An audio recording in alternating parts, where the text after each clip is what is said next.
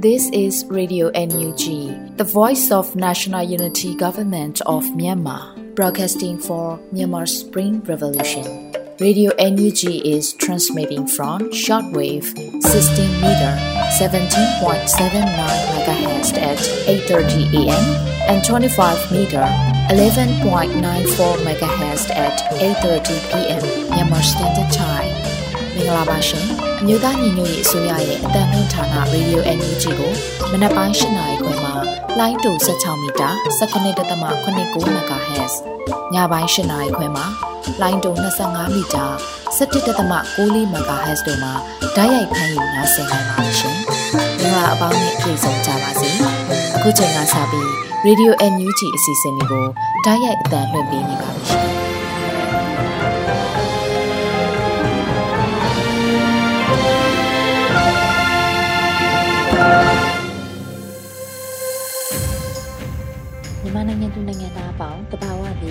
စစ်ဟန္တာရှင်ပြီးတို့ကနေကင်ဝေးပြီးကိုစိတ်နှပါပေးပြနေကြပါစေလို့ရေဒီယိုမြူးချီကွယ်သားများကဆုတောင်းမြတ်တာပို့တာလာရပါတယ်ရှင်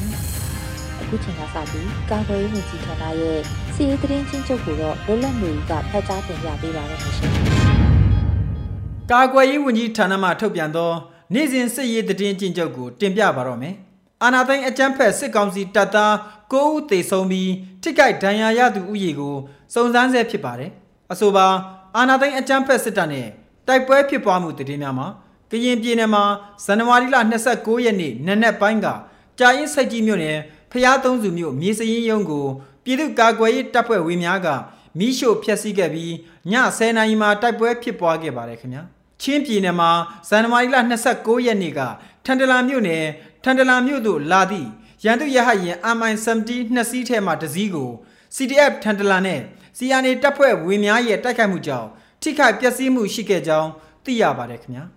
စကိုင်းတိုင်းမှာဇန်နဝါရီလ30ရက်နေ့မနေ့9:30မိနစ်ခန့်ကမြင်းမူမြို့နယ်ဝန်းပြည့်နယ်အလကပ်ပအကြားစကိုင်းမြို့မှာဘိုးမင်းကြီးကင်းသို့အင်အားဖြစ်ရန်ထွက်လာသောရန်သူတပ်သား20ဦးပါကားတစ်စီးကို People's Night Defense Force မြင်းမူ PKTF MNU နဲ့အတူ People's Army to Fight Dictatorship အာဏာရှင်စနစ်တိုက်ဖျက်ရေး ပြည်သူ့တပ်ဖွဲ့ PAFD Dog Killers Defense Force DKPDF MMU တောင်သာ People Defense Force TTA PDF DPPF MNU စသောမဟာမိတ်အဖွဲ့များကလေးလုံးတွဲမိုင်းဖြင့်မိုင်းဆွဲတိုက်ခိုက်ခဲ့ရာကားကိုထိမှန်၍အများအပြားထိခိုက်သေဆုံးနိုင်ကြောင်းသိရပါတယ်ခင်ဗျာဇန်နဝါရီလ30ရက်နေ့မနက်10:58မိနစ်ခန့်ကမြင်းမူမြို့နယ်ဝန်းပြည့်ကြီးရွာနယ်အလကပ္ပကြားတွင် စကိုင်းမြို့မှမုံရွာသို့ဥတီထွက်ခွာလာသောရန်သူတပ်သားများပါပါရဒိုနှင့် Max 2ကားနှစ်စီးကို People's Night Defense Force မြင်းမူ PKDF MMU နဲ့အတူ People's Army to Fight Dictatorship အာဏာရှင်စနစ်တိုက်ဖျက်ရေးပြည်သူ့တပ်ဖွဲ့ PAFD Dog Killers Defense Force TKPDF MNU တောင်တာ People Defense Force TTA PDF DPPF MMU စသောမဟာမိတ်ဖွဲ့များက6လုံးတွဲမိုင်းနဲ့မိုင်းဆွဲတိုက်ခိုက်ရာ ရန်သူတပ်သားများထိခိုက်မှုရှိကြောင်းသိရပါတယ်။ဇန်နဝါရီလ29ရက်နေ့နနက်ပိုင်းကမြင်းမူမြို့နယ်မန္တလေးမုံရွာလမ်းပိုင်းညောင်လန်းခွဲအနီးရှိရန်သူတပ်သားများကို Black Eagle Defense Force MNU အဖွဲ့၏ Black Eagle Drone Force Black Eagle Drone တပ်ခွဲမှဦးဆောင်ပြီး People's Defense Force မြင်းမူ MNU PDF နဲ့မြင်းမူမြို့နယ်ပကဖတို့မှ drone ဖြင့်နှစ်ကြိမ်တိုက်ခိုက်ခဲ့ရာရန်သူတပ်သား2ဦးသေဆုံးခဲ့ပါတယ်။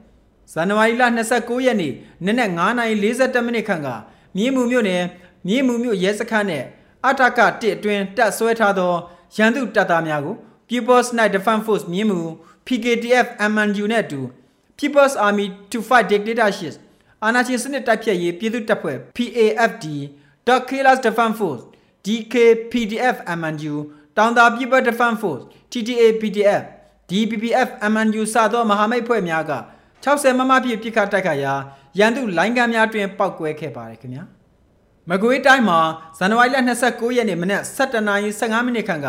စိတ်ဖြူမြို့နယ်စိတ်ဖြူစောလန်းပိုင်းဖလန်မရွာအနီးသို့စစ်ကြောင်းထိုးလာသောကပ္ပစ21မှာရန်သူတပ်ဖွဲ့ဝင်များကိုစိတ်ဖြူမြို့နယ်အခြေစိုက်ဗာမတီပြည်သူ့ကာကွယ်ရေးတပ်ဖွဲ့6မြို့နယ်ပြည်သူ့ကာကွယ်ရေးအဖွဲ့6ပကဖနဲ့ပြူးကြီးအဖွဲ့တို့မှပူးပေါင်းကမိုင်းဆွဲတိုက်ခိုက်ခဲ့တာကြောင့်ဘိုးအဆင့်ရှိသူတအူး တက်ကြအဆင့်ရှိသူတအူးအပါဝင်စုစုပေါင်းရန်သူတပ်ဖွဲ့ဝင်9ဦးခန့်သေဆုံးခဲ့ပါတယ်ခင်ဗျာမန္တလေးတိုင်းမှာဇန်နဝါရီလ30ရက်နေ့မနက်၈နာရီခန့်ကမြင်းကြံမြို့နယ်ပြိုးကန်ရွာမှခြေလျင်စစ်ကြောင်းထိုးလာသည့်ရန်သူတပ်သားနှင့်ပြူစောတိများကိုနေဂနီပျောက်ကြားတပ်ဖွဲ့ကဒူဝရွာရှိဘက်တနေရာတွင်မိုင်းဆွဲတိုက်ခိုက်ခဲ့ပါတယ်ဇန်နဝါရီလ30ရက်နေ့ကမရယာမြို့နယ်ရှင်လာတောင်ရွာတွင်ရွေးကောက်ပွဲအတွက်အိမ်အောင်စုစည်းရင်လိုက်ကောက်နေသောရန်သူတပ်သား43ဦးအား ပြည်ဦးလွင်ခရိုင်ပကဖကောင်းကင်တော်လိုင်းအင်အားစုတပ်ဖွဲ့နှင့် local PDF များပူးပေါင်း၍ drone ၅စီးဖြင့်ပုံချတိုက်ခိုက်ရာရန်သူတပ်သားများထိခိုက်သေဆုံးမှုများနိုင်ပြီးရန်သူဘက်ကတော့ရန်တမ်းပစ်ခတ်မှုကြောင့်ပြည်သူနှုတ်ကြည်ထိမှန်မစိုးရိမ်ရဒဏ်ရာရရှိခဲ့ပါတယ်ခင်ဗျာဇန်နဝါရီလ29ရက်နေ့နေ့လယ်2နာရီခန့်ကမြင်းကြံမြို့နယ်နဘူးအိုင်ရွာမှထွက်လာသည့်ပါဂျရိုကားပေါ်တွင်လိုက်ပါလာသည့်ရန်သူတပ်သားများကိုရွှေချန်သားပျောက်ကြားတပ်ဖွဲ့က နဘူးအိုင်မြင်းကြံလမ်းပိုင်းတနေရာတွင် မိုင်းဆွဲတိုက်ခိုက်ခဲ့ပြီးရင်ပေါ်ပါပြန်သူတပ်သားများထိခိုက်မှုရှိနိုင်ကြောင်းသိရပါတယ်ခင်ဗျာ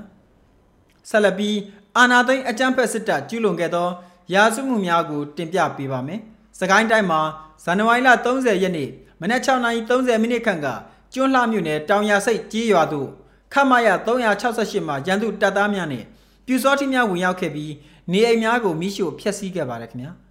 မကွေးတိုင်းမှာဇန်နဝါရီလ29ရက်နေ့ကပေါက်မြို့နယ်ထမ်းပေါကုန်းကြီးရွာသို့ဝင်ရောက်ခဲ့သောရန်သူတပ်ဖွဲ့ဝင်90ဦးခန့်ကထမ်းပေါကုန်းကြီးရွာတွင်းရှိပြည်သူပိုင်နေအိမ်များအားအကြမ်းဖက်မိရှို့ဖျက်ဆီးခဲ့တာကြောင့်ပြည်သူပိုင်နေအိမ်များမီးလောင်ပြာကျခဲ့ရပါတယ်ခင်ဗျာ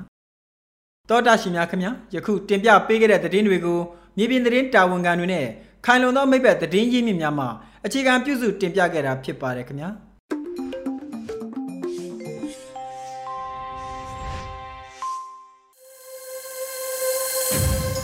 ရေဒီယိုညူဂျီရဲ့မနက်ခင်းစီစဉ်လေးကိုဆက်လက်တင်ပြနေပါတယ်။အခုဆက်လက်ပြီးနားဆင်ကြရမှာကတော့နောက်ဆုံးရသတင်းများဖြစ်ပါတယ်။ Sodes တူနေမှာဖတ်ကြားတင်ပြပေးပါမယ်ရှင်။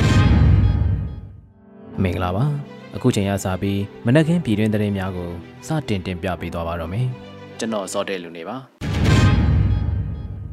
ပထမအဆုံးတင်ပြပေးသွားမှာကတော့ပြည်သူ့ကာကွယ်ရေးရဲဘော်များအမိတ်နာခံမှုအားကောင်းခြင်းတို့ဖြစ်လာအောင်စ조사တိစောက်ကြဖို့ကာကွယ်ရေးဝန်ကြီးကတိုက်တွန်းလိုက်တဲ့သတင်းကိုတင်ပြပေးသွားမှာဖြစ်ပါတယ်။ဇန်နဝါရီလ29ရက်နေ့ကကျင်းပခဲ့တဲ့ရှမ်းပြည်နယ်မြောက်ပိုင်းမဟာမိတ်တရင် NSSAAE အခြေခံစစ်ပညာအထူးမွမ်းမံသင်တန်းအပတ်စဉ်နှစ်သင်တန်းဆင်းပွဲသို့ပေးပို့တဲ့ကာကွယ်ရေးဝန်ကြီးဦးရီမွန်ရဲ့တဝင်လှော်မှာအခုလိုဆိုထားပါတယ်။ တရားသောခုခံစစ်ကိုဆင်နွှဲနေကြတာဖြစ်လို့တိုက်ရဲရင်တည်ရဲရတယ်ဆိုပေမဲ့အထီးကိုက်အ ਨੇ ဆုံးနဲ့အကောင်ဆုံးဖြစ်အောင်စူးစမ်းလှုပ်ဆောင်ကြဖို့လိုပါတယ်။အထူးအရေးကြီးဆုံးကတော့တိုက်ပွဲတွေကိုဦးစီးကွက်ကဲမဲ့ခေါင်းဆောင်များအနေနဲ့စံပြခေါင်းဆောင်မှုတွေကိုပြသရမှာဖြစ်ပြီးအထက်အောက်အပြန်အလှန်လေးစားခြင်းယုံကြည်အားကိုးမှုရှိခြင်းအမိတ်နာခံမှုအားကောင်းခြင်းတို့ဖြစ်လာအောင်စူးစမ်းတည်ဆောက်ကြဖို့လိုတယ်လို့ဝန်ကြီးကဆိုထားပါတယ်။ လက်ရှိမှာပြည်သူ့ကာကွယ်ရေးတပ်ရင်းတပ်ဖွဲ့ပေါင်း300နီးပါးနဲ့မြို့နယ်ပကဖအဖွဲ့ပေါင်း250ကျော်ရှိပြီးမြို့ပြလူငယ်ပျောက်ကြားနဲ့ LDF ဒေသကာကွယ်ရေးလူငယ်တပ်ဖွဲ့တို့များစွာရှိနေပြီဖြစ်ကြောင်းသတင်းရရှိပါရခင်ဗျာကြောက်မြတ်တူဖို့ရရှိရေးဟာအာနာရှင်အဆက်ဆက်နဲ့ပတ်သက်ဆက်နွယ်နေသူများသာငွေကြေးကိုအသုံးချပြီးတူဖို့ခွင့်ရခဲ့ကြတယ်လို့ဆိုလိုက်တဲ့သတင်းကိုဆက်လက်တင်ပြပေးသွားပါမယ်။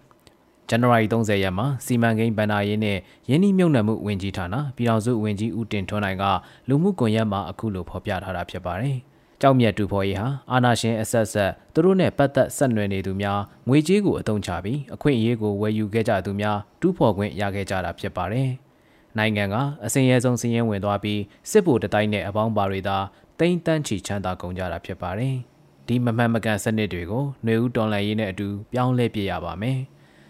အနာဂတ်ဖက်ဒရယ်အစိုးရလက်ထက်မှာကြောက်မြတ်တူးဖော်ထုတ်လုပ်မှုများကိုစီကံနဲ့အညီထုတ်လုပ်သွားရပါမယ်လို့ဆိုထားပါတယ်။လက်ရှိမှာ NUG အစိုးရက Ali Partnership Program ရဲ့ပွဲဥထွက်မိုးကုတ်ဗရက်များမြေကြောက်မြတ်ရှာဖွေတူးဖော်ရေးလုပ်ပိုင်ခွင့်ရောင်းချပေးသွားမှာဖြစ်ကြောင်းသတင်းရရှိပါတယ်။ Ali Partnership Program ရဲ့ပွဲဥထွက်မိုးကုတ်ဗရက်များမြေကြောက်မြတ်ရှာဖွေတူဖော်ရင်လုတ်ပိုင်ခွင့်စုစုပေါင်းလောက်ကွက်45ကွက်ကိုလောက်ကွက်တစ်ကွက်တန်ဖို့အနှိမ့်ဆုံး US ဒေါ်လာ2,35,200မှစတင်ရောင်းချမယ်လို့ January 30ရက်နေ့မှာ EOD ရဲ့အသိပေးဖော်ပြချက်အရသိရှိရပါတယ်။တော်လန်ပြည်သူများကိုဒီတစ်ခါမိတ်ဆက်ပေးမှာကတော့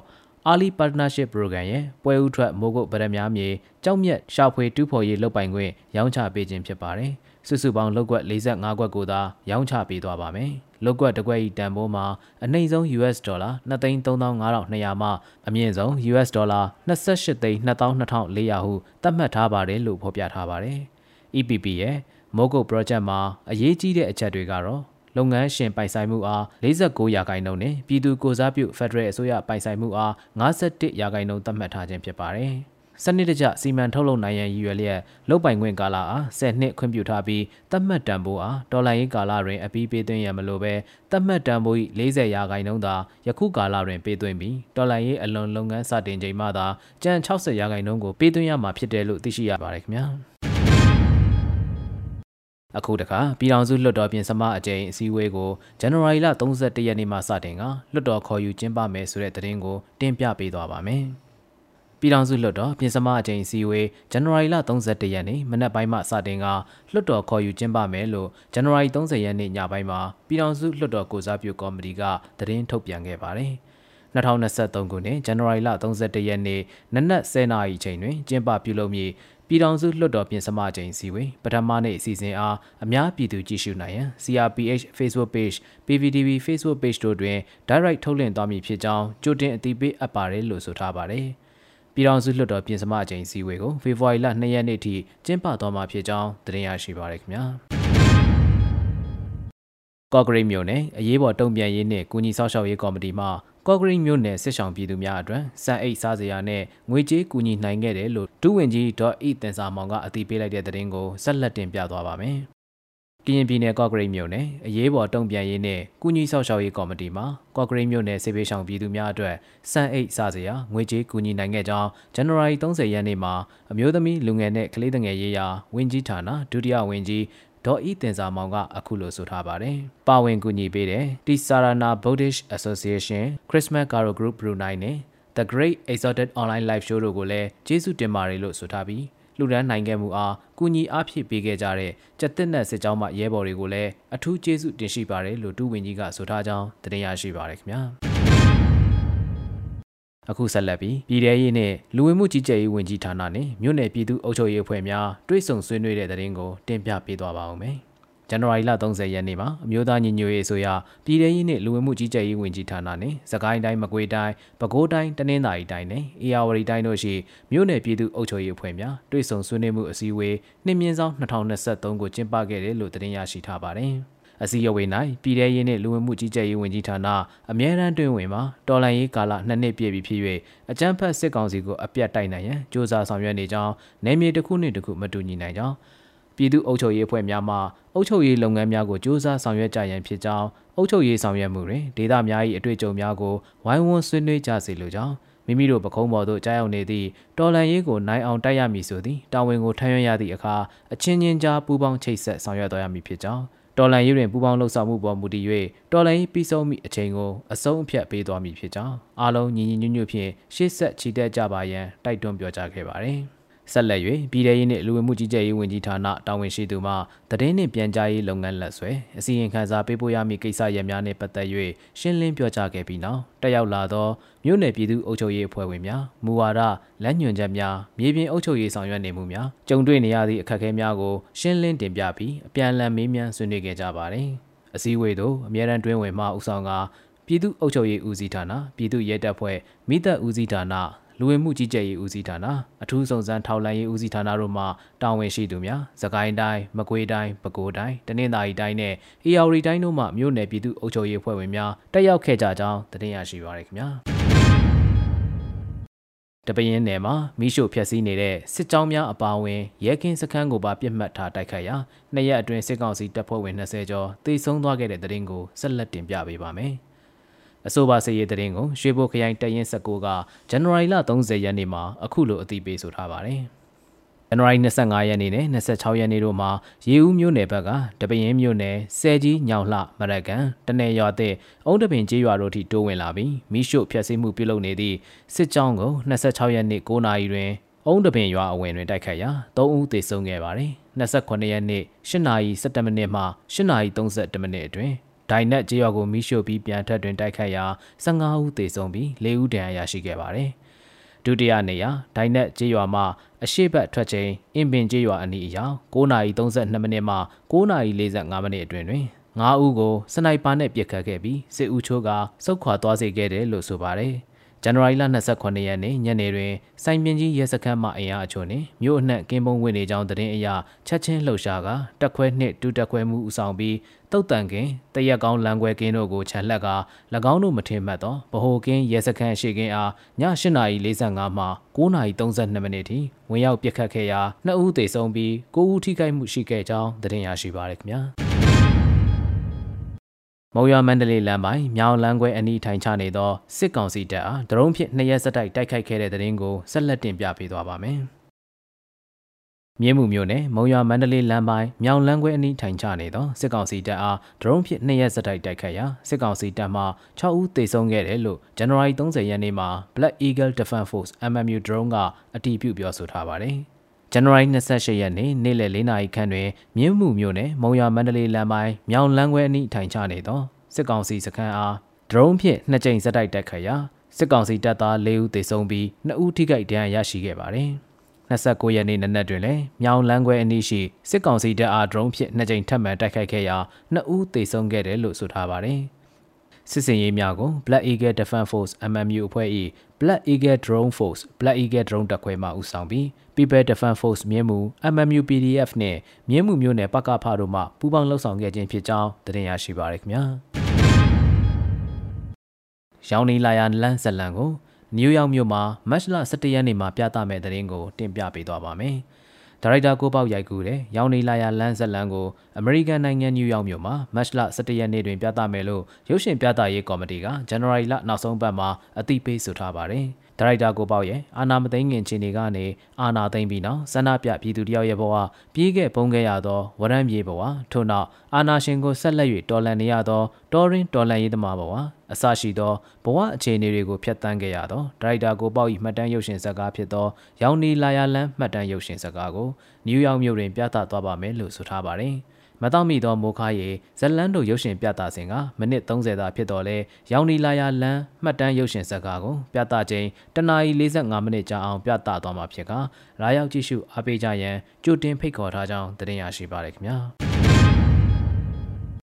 NUG Pay application ကိုဖျက်လိုက်တော့လဲ login key များကိုသတ်မှတ်ထားပါကအချိန်မရွေးပြန်လည်အသုံးပြုနိုင်တဲ့သတင်းကိုတင်ပြပေးသွားပါမယ်။ လုံခြုံရေးအတွက်ဖုန်းထဲကနေ NUG Pay application ကိုဖြတ်လိုက်တော့လေ login key 12လုံးကိုမှတ်ထားပါကအချိန်မရွေးပြန်လည်အသုံးပြုနိုင်မှာဖြစ်တယ်လို့ January လ30ရက်နေ့မှာ NUG Pay ကအသိပေးဆိုထားပါတယ်။ NUG Pay ကိုအလွယ်ကူဆုံးအလုံးကျုံဆုံးသုံးနိုင်မှုအတွက်လျှို့ဝှက်စလုံး login key 12လုံးနဲ့ကန့်သက်ထားပါတယ်။ဒီ login key 12လုံးကိုအသုံးပြုပြီးဘယ်နေရာပဲရောက်ရောက်ဖုန်းနဲ့အင်တာနက်ရှိရင်အချိန်မရွေး login ဝင်ပြီးသုံးလို့ရပါတယ်။ ကိုယ်လုံခြုံရေးအတွက်စိန်ခေါ်မှုရှိလာတဲ့အခါဖုန်းထဲကနေ NUG Pay application ကိုဖြတ်လိုက်ပြီး login ပြန်လုပ်ပြီးသုံးလို့ရပါတယ်လို့ဆိုထားပါတယ်။ login key 12လုံးကိုမှတ်သားဖို့သာအရေးကြီးပြီး key တွေကိုတင်ဆက်ကြတဲ့အခါစာရွက်ပေါ်မှာခြာရေးပြီးလုံခြုံတဲ့နေရာမှာတင်ဆက်ခြင်းနဲ့ login key 12လုံးကို NUG Pay နဲ့ QR encrypted လုပ်ပြီးတင်ထားလို့လည်းရရှိတယ်လို့သိရှိရပါတယ်။ယခုအချိန်မှာတော့ NUG Pay ဟာစစ်အာဏာရှင်လက်အောက်ကကင်းလွတ်တဲ့တခုတည်းသောဗန်နာရေးစနစ်တစ်ခုဖြစ်ပါတယ်ခင်ဗျာ။ အခုတင်ပြပေးခဲ့တဲ့သတင်းတွေကိုတော့ Radio NUG သတင်းတောက်မင်းမင်းကပေးပို့ထားတာပဲဖြစ်ပါတယ်။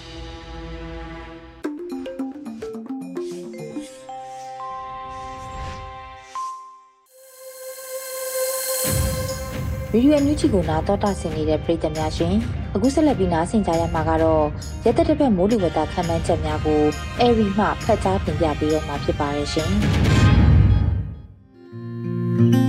မင်္ဂလာပါရှင် 2023ခုနှစ်ဇန်နဝါရီလ30ရက်နေ့ကနေဖေဖော်ဝါရီလ9ရက်နေ့ထိမိုးလေဝသအခြေအနေခန့်မှန်းချက်တွေကိုတင်ပြပေးပါတော့မယ်။ အခုတစ်ပတ်အတွင်းထူးခြားချက်အနေနဲ့အိန္ဒိယနိုင်ငံအရှေ့မြောက်ပိုင်းပေါ်မှာဖြစ်ပေါ်လာတဲ့လေပြင်းများဒေသကြီးအာရော့ပျောက်ကွယ်သွားခြင်းနဲ့ဘင်္ဂလားပင်လယ်ော်အနောက်တောင်ပိုင်းကလေပွေလိုင်းဟာတိတာတဲ့လေပြင်းနဲ့ရဝံအဆင့်ကနေမုန်တိုင်းငယ်အဆင့်နဲ့အိန္ဒိယကမ်းခြေကိုဖျက်ကျော်နိုင်ခြင်းစတဲ့အခြေအနေတွေကြောင့်မြန်မာနိုင်ငံတဝမ်းမှာတောင်ဘက်ကလေနွေးတွေကိုအဆက်မပြတ်တိုးဝင်လာစေပြီးတပြည်လုံးကိုစောင်းအုပ်ရုရဲ့အေးတဲ့ရော့ကျစေမှာဖြစ်ပါတယ်။နောက်ထပ်သတိပြုစရာတစ်ခုကတော့လေပြင်းနဲ့ရဝံကြောင့်အရှိဘက်ကလေပြင်းတွေဟာ ကပလီပင်လယ်ပြင်နဲ့တနင်္သာရီကမ်းရန်တို့မှာတိုက်ခတ်လာနိုင်ပြီးလှိုင်းကြီးနိုင်တာကြောင့်အဆိုပါဒေသမှာရှိတဲ့ရေလုံသားတွေအနေနဲ့အရှိလေပြင်းအန္တရာယ်ကိုသတိပြုလှုပ်ဆောင်နိုင်ကြစေဖို့အသိပေးအပ်ပါတယ်။စောင်းအေးအေးတက်ပြန်လဲရောကြလာနိုင်ပေမဲ့လည်းရခိုင်ပြည်နယ်၊ချင်းပြည်နယ်၊စကိုင်းတိုင်း၊ကချင်ပြည်နယ်၊ရှမ်းပြည်နယ်၊မန္တလေးတိုင်း၊မကွေးတိုင်း၊ကယားပြည်နယ်၊ကရင်ပြည်နယ်နဲ့ပဲခူးတိုင်းတို့မှာမနက်ပိုင်းမြူထူတွေဆက်လက်ကျဆင်းနိုင်ပါတယ်။ဆက်လက်ပြီးနေ့လိုက်တပတ်စာမိုးလေဝသအခြေအနေတွေကိုတင်ပြပေးသွားပါမယ်။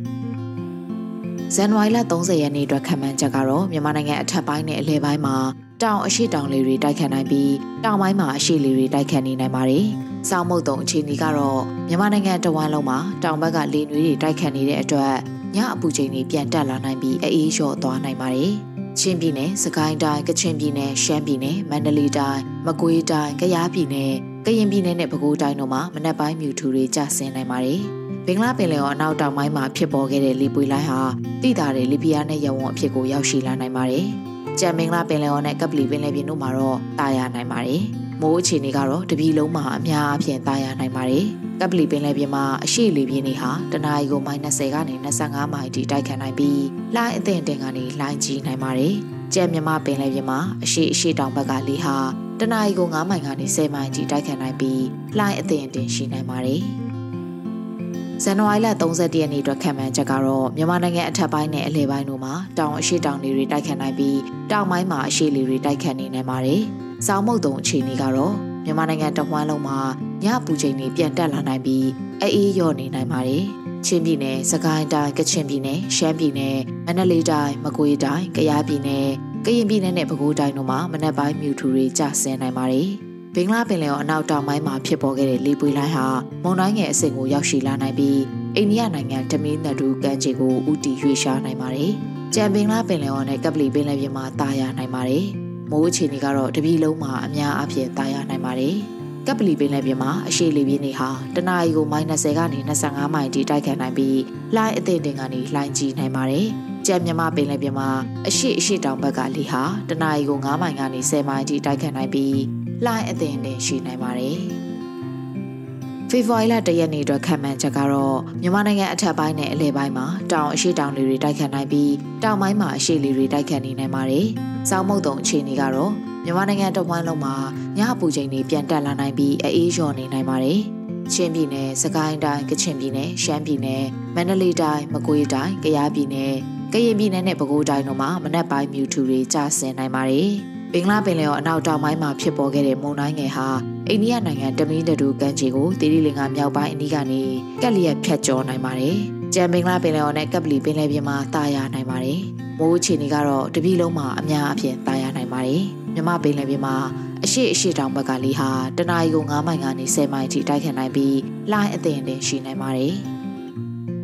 ဖေဖော်ဝါရီလ2ရက်နေ့အတွက်ခံမှန်းချက်ကတော့မြန်မာနိုင်ငံအထက်ပိုင်းနဲ့အလယ်ပိုင်းမှာတောင်အနောက်တောင်လေတွေတိုက်ခတ်နိုင်ပြီးတောင်ပိုင်းမှာအရှေ့လေတွေတိုက်ခတ်နေနိုင်ပါတယ်။စောင်းမုတ်တုံအခြေအနေကတော့မြန်မာနိုင်ငံတဝန်းလုံးမှာညအပူချိန်တွေပြန်တက်လာနိုင်ပြီးအေးရော်နေနိုင်ပါတယ်။ချင်းပြည်နယ်၊စကိုင်းတိုင်း၊ကချင်ပြည်နယ်၊ရှမ်းပြည်နယ်၊မန္တလေးတိုင်း၊မကွေးတိုင်း၊ကယားပြည်နယ်၊ကရင်ပြည်နယ်နဲ့ပဲခူးတိုင်းတို့မှာမနက်ပိုင်းမြူထူတွေကျဆင်းနိုင်ပါတယ်။ ဘင်္ဂလားပင်လယ်ော်အနောက်တောင်ပိုင်းမှာဖြစ်ပေါ်ခဲ့တဲ့မုန်တိုင်းငယ်ဟာအိန္ဒိယနိုင်ငံတမင်းနဒူကန်ဂျီကိုတိရိလင်္ကာမြောက်ပိုင်းအနီးကနေကက်ရက်ဖြတ်ကျော်ဝင်ရောက်ခဲ့ပြီးဖြစ်နိုင်ပါတယ်။ဘင်္ဂလားပင်လယ်ော်တောင်ပိုင်းမှာတရင်တင်တင်ဖြစ်ထွန်းနိုင်ပြီးကြံဘင်္ဂလားပင်လယ်ော်နဲ့ကပ်ပလီပင်လယ်ပြင်မှာတာယာနိုင်ပါတယ်။မိုးချီနေကတော့တပြည်လုံးမှာအများအပြားတာယာနိုင်ပါတယ်။မြမပင်လယ်ပြင်မှာအရှိအရှိတောင်ဘက်ကလေးဟာတနအီကို9မိုင်ကနေ10မိုင်ထိတိုက်ခတ်နိုင်ပြီးလှိုင်းအသင်တင်ရှိနိုင်ပါတယ်။ ဖေဖော်ဝါရီလ3ရက်နေ့အတွက်ခံမှန်းချက်ကတော့မြန်မာနိုင်ငံအထက်ပိုင်းနဲ့အလယ်ပိုင်းတို့မှာတောင်အနောက်တောင်လေတွေတိုက်ခတ်နိုင်ပြီးတောင်ပိုင်းမှာအရှေ့လေတွေတိုက်ခတ်နေနိုင်ပါတယ်။စောင်းမုတ်တုံအခြေအနေကတော့မြန်မာနိုင်ငံတဝန်းလုံးမှာအေးရော်နေနိုင်ပါတယ်။ချင်းပြည်နယ်၊စကိုင်းတိုင်း၊ကချင်ပြည်နယ်၊ရှမ်းပြည်နယ်၊မန္တလေးတိုင်း၊မကွေးတိုင်း၊ကယားပြည်နယ်၊ကရင်ပြည်နယ်နဲ့ပဲခူးတိုင်းတို့မှာမနက်ပိုင်းမြူထူတွေကျဆင်းနိုင်ပါတယ်။ဘင်္ဂလားပင်လယ်ော်တောင်ပိုင်းမှာတရင်အသင့်တင်ဖြစ်ထွန်းနိုင်ပြီးကြံဘင်္ဂလားပင်လယ်ော်နဲ့ကပ်ပလီပင်လယ်ပြင်မှာတာယာနိုင်ပါတယ်။ မိုးအခြေအနေကတော့တနင်္သာရီတိုင်းတောင်ပိုင်းမှာနေရာကွက်ကြားမိုးနဲ့ငယ်ရွာနိုင်တာကလွဲလို့ကြံတပြီလုံးမှာအများအပြားတာယာနိုင်ပါတယ်။မြမပင်လယ်ပြင်မှာအရှိအရှိတောင်ဘက်ကလေဟာတနအီကို9မိုင်ကနေ10မိုင်ထိတိုက်ခတ်နိုင်ပြီးလှိုင်းအသင်တင်ရှိနိုင်ပါတယ်။ဖေဖော်ဝါရီလ၄ရက်နေ့အတွက်ခံမှန်းချက်ကတော့မြန်မာနိုင်ငံအထက်ပိုင်းနဲ့အလယ်ပိုင်းမှာတောင်အနောက်တောင်လေတွေတိုက်ခတ်နိုင်ပြီးတောင်ပိုင်းမှာအရှေ့လေတွေတိုက်ခတ်နေနိုင်ပါတယ်။စောင်းမုတ်တုံအခြေအနေကတော့မြန်မာနိုင်ငံတဝန်းလုံးမှာအေးရော်နေနိုင်ပါတယ်။ ချင်းပြည်နယ်၊စကိုင်းတိုင်း၊ကချင်ပြည်နယ်၊ရှမ်းပြည်နယ်၊မန္တလေးတိုင်း၊မကွေးတိုင်း၊ကယားပြည်နယ်၊ကရင်ပြည်နယ်နဲ့ပဲခူးတိုင်းတို့မှာမနက်ပိုင်းမြူထူတွေကျဆင်းနိုင်ပါတယ်။ဘင်္ဂလားပင်လယ်ော်တောင်ပိုင်းမှာတရင်တင်တင်ဖြစ်ထွန်းနိုင်ပြီးကြံဘင်္ဂလားပင်လယ်ော်နဲ့ကပလီပင်လယ်ပြင်မှာတာယာနိုင်ပါတယ်။မိုးအခြေအနေကတော့မွန်ပြည်နယ်နဲ့တနင်္သာရီတိုင်းတို့မှာနေရာကွက်ကြားမိုးနဲ့ငယ်ရွာနိုင်တာကလွဲလို့ကြံတပြည်လုံးမှာအများအပြားတာယာနိုင်ပါတယ်။ မြမပင်လယ်ပြင်မှာအရှိအရှိတောင်ဘက်ကလေဟာတနအီကို9မိုင်ကနေ10မိုင်ထိတိုက်ခတ်နိုင်ပြီးလှိုင်းအသင်တင်ရှိနိုင်ပါတယ်။ဖေဖော်ဝါရီလ9ရက်နေ့အတွက်ခံမှန်းချက်ကတော့မြန်မာနိုင်ငံအထက်ပိုင်းနဲ့အလယ်ပိုင်းတို့မှာတောင်အနောက်တောင်လေတွေတိုက်ခတ်နိုင်ပြီးတောင်ပိုင်းမှာအရှေ့လေတွေတိုက်ခတ်နေနိုင်ပါတယ်။စောင်းမုတ်တုံအခြေအနေကတော့မြန်မာနိုင်ငံတဝန်းလုံးမှာအေးရောနေနိုင်ပါတယ်။ ချင်းပြည်နယ်၊စကိုင်းတိုင်း၊ကချင်ပြည်နယ်၊ရှမ်းပြည်နယ်၊မန္တလေးတိုင်း၊မကွေးတိုင်း၊ကယားပြည်နယ်၊ကရင်ပြည်နယ်နဲ့ပဲခူးတိုင်းတို့မှာမနက်ပိုင်းမြူထူတွေကျဆင်းနိုင်ပါတယ်။ဘင်္ဂလားပင်လယ်ော်တောင်ပိုင်းမှာတဲအသစ်တင်ဖြစ်ထွန်းနိုင်ပြီးကြံဘင်္ဂလားပင်လယ်ော်နဲ့ကပ်ပလီပင်လယ်ပြင်တို့မှာတာယာနိုင်ပါတယ်။ထူးခြားချက်ကတော့အီကွေတာလေပွေလိုက်တစ်ခုထပ်မံဖြစ်ပေါ်လာနိုင်ပါတယ်။မိုးအခြေအနေကတော့မွန်ပြည်နယ်နဲ့တနင်္သာရီတိုင်းမှာနေရာကွက်ကြားမိုးနဲ့ငယ်ရွာနိုင်တာကလွဲလို့ကြံတပြည်လုံးမှာအများအပြားတာယာနိုင်ပါတယ်။ မြမပင်လယ်ပြင်မှာအရှိအရှိတောင်ဘက်ကလေဟာတနအီကို9မိုင်ကနေ10မိုင်ကြီးတိုက်ခတ်နိုင်ပြီးလှိုင်းအသင်တင်ရှိနိုင်ပါတယ်။လာမယ့်ရက်သက်တစ်ပတ်မှာ2023ခုနှစ်နွေရာသီကာလနဲ့မိုးကြိုရာသီအခြေအနေတွေကိုသုံးသပ်တင်ပြသွားမှာဖြစ်ပါကြောင်းလူသားချင်းစာနာထောက်ထားရေးနဲ့ဘေးအန္တရာယ်ဆိုင်ရာစီမံခန့်ခွဲရေးဝန်ကြီးဌာနကရက်သက်တစ်ပတ်မိုးလေဝသအခြေအနေတွေကိုထုတ်ပြန်ထားပါတယ်ရှင်။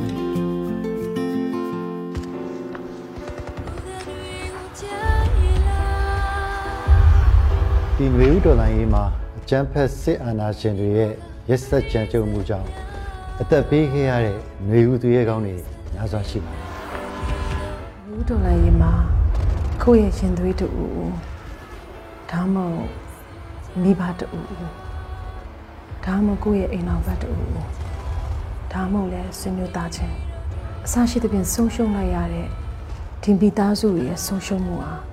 ဘာနဲ့မှအစားထိုးလို့မရတဲ့ ဖြည့်သိမ့်လို့မရတဲ့ဆုံးရှုံးမှုတစ်ခုပါထရီဆာတို့အားလုံးကလည်းဒီဆုံးရှုံးမှုတွေအတွက်စိတ်ထိခိုက်နာကျင်ခံစားကြရတယ်နာကျင်ခံစားနေလို့ရှိပြီးပဲအသက်ပေးခဲ့ကြတဲ့မျိုးဦးသူရဲကောင်းတွေရဲ့မိသားစုတွေအတွက်ဘဝနောင်ရည်အဆင်ပြေဖို့ဆောင်းရှောက်မှုတွေတစုံတရာလိုအပ်ပါတယ်အဲ့ဒီအတွက်ရင်းနှီးပေးဆက်ခဲ့ကြတဲ့သူရဲကောင်းတွေရဲ့ကိုစားအသက်ရှင်ကြံ့ရခဲ့တဲ့ကျွန်တော်တို့တွေက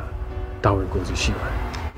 တော်လိုင်းရင်မှာမြင့်မြတ်စွာအသက်ပေးလှူခဲ့ကြတဲ့မျိုးဦးသူရဲကောင်းတွေကိုဂုဏ်ပြုရလဲရောက်တယ်လို့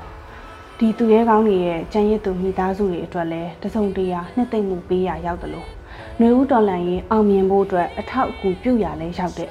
တို့မျိုးဦးသူရဲကောင်းများအတွက်ငွေတိုက်စာချုပ်အစီအစဉ်မှာတက်အားတွေပါဝင်ပေးကြဖို့အတွက်သူတို့ဖိတ်ခေါ်ပြစီရှင်တော်လိုင်းရဲ့အတွက်အသက်ပေးလူခဲ့တဲ့ຫນွေဦးသူရဲကောင်းတွေကိုရည်စူးပြီးတော့ သူတို့ရဲ့ကြံရည်သူမိသားစုတွေအတွက်အထောက်အပံ့တစုံတရာဖြစ်ဖို့တို့ຫນွေဦးသူရဲကောင်းများအတွက်ငွေတိုက်စာချုပ်တွေကိုဝယ်ယူအားပေးရှင်နေဆိုရင်တော့ www.facebook.com/ourspringheroes Facebook page ကနေတစ်ဆင့်တိုက်ရိုက်ဝယ်ယူနိုင်ပါတယ်ရှင်။မြို့တော်လိုင်းရေးမှာမြင့်မြတ်စွာအသက်ပေးခဲ့ကြရတဲ့သူရဲကောင်းတွေရဲ့အမိပါတဲ့ဘွန်စာချုပ်တွေကိုအလူရှင်တွေရဲ့လက်ထဲကိုပေးပို့သွားမှာဖြစ်ပြီးတော့တော်လိုင်းအောင်တဲ့တနေ့ NUG ကဘောင်းငွေတွေပြန်ထုတ်ပေးတဲ့အခါမှာတော့ဒီငွေတွေကိုကျန်ရည်သူမိသားစုတွေရဲ့လက်ထဲရောက်အောင် PPTV နဲ့သက်ဆိုင်ရာတာဝန်ရှိဝန်ကြီးဌာနတွေကတာဝန်ယူပေးပို့ပေးသွားမှာဖြစ်ပါတယ်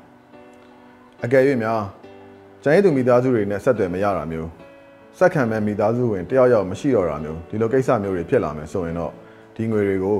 ကြားဆုံးသူရဲကောင်းတွေနဲ့သက်ဆိုင်တဲ့ကိစ္စရပ်တစ်ခုခုမှာထည့်သွင်းအသုံးပြုသွားမှာဖြစ်ပါတယ်။တော်လန်ရေးကြီးအပြီးမှာကွက်ကွက်နေတဲ့အချို့သောမိသားစုဝင်တွေဟာပြန်ဆောင်ကြမှာဖြစ်ပေမဲ့ဘယ်တော့မှပြန်မဆောင်နိုင်တော့တဲ့မိသားစုဝင်တွေ ရှိနေမှာအသေးကြပါပဲတော်လန်ရေးအတွက်မြင့်မြတ်စွာအသက်ပေးခဲ့ကြတဲ့နေဦးသူရဲကောင်းတွေရဲ့ကြံရစ်မိသားစုဝင်များကို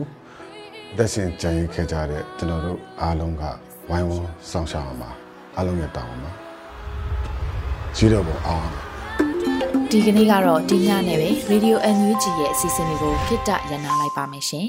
မြမစံတော်ချိန်မနက်၈နာရီခွဲနဲ့ည၈နာရီခွဲအချိန်တွေမှာ ပြန်လည်ဆုံတွေ့ကြပါစို့။ Radio NUG ကိုမနက်ပိုင်း၈နာရီခွဲမှာလိုင်းတူ16မီတာ19.89 MHz ညပိုင်း၈နာရီခွဲမှာလိုင်းတူ25မီတာ17.6 MHz တို့မှာဓာတ်ရိုက်ဖမ်းယူနိုင်စေနိုင်ပါပြီ။မြန်မာနိုင်ငံသူနိုင်ငံသားတွေကိုစိတ်နှပြကျန်းမာချမ်းသာလို့ဘေးကင်းလုံခြုံကြပါစေလို့ Radio NUG အဖွဲ့သူဖေသားတွေကဆုတောင်းမြတ်တာပို့တာနေပါတယ်ရှင်။မြေသားညီမတွေအစိုးရရဲ့စက်တော်ရင်သတင်းအချက်အလက်တွေပညာဝန် ကြီးဌာနကထုတ်လွှင့်နေတဲ့ Radio NUG ဖြစ်ပါတယ်။ San Francisco Bay Area အခြေစိုက်မြန်မာမိသားစုတွေနဲ့နိုင်ငံတကာကစေတနာရှင်တို့အားပေးနေတဲ့ Radio NUG ဖြစ်ပါတယ်။အရေးတော်ပုံအောင်ရမည်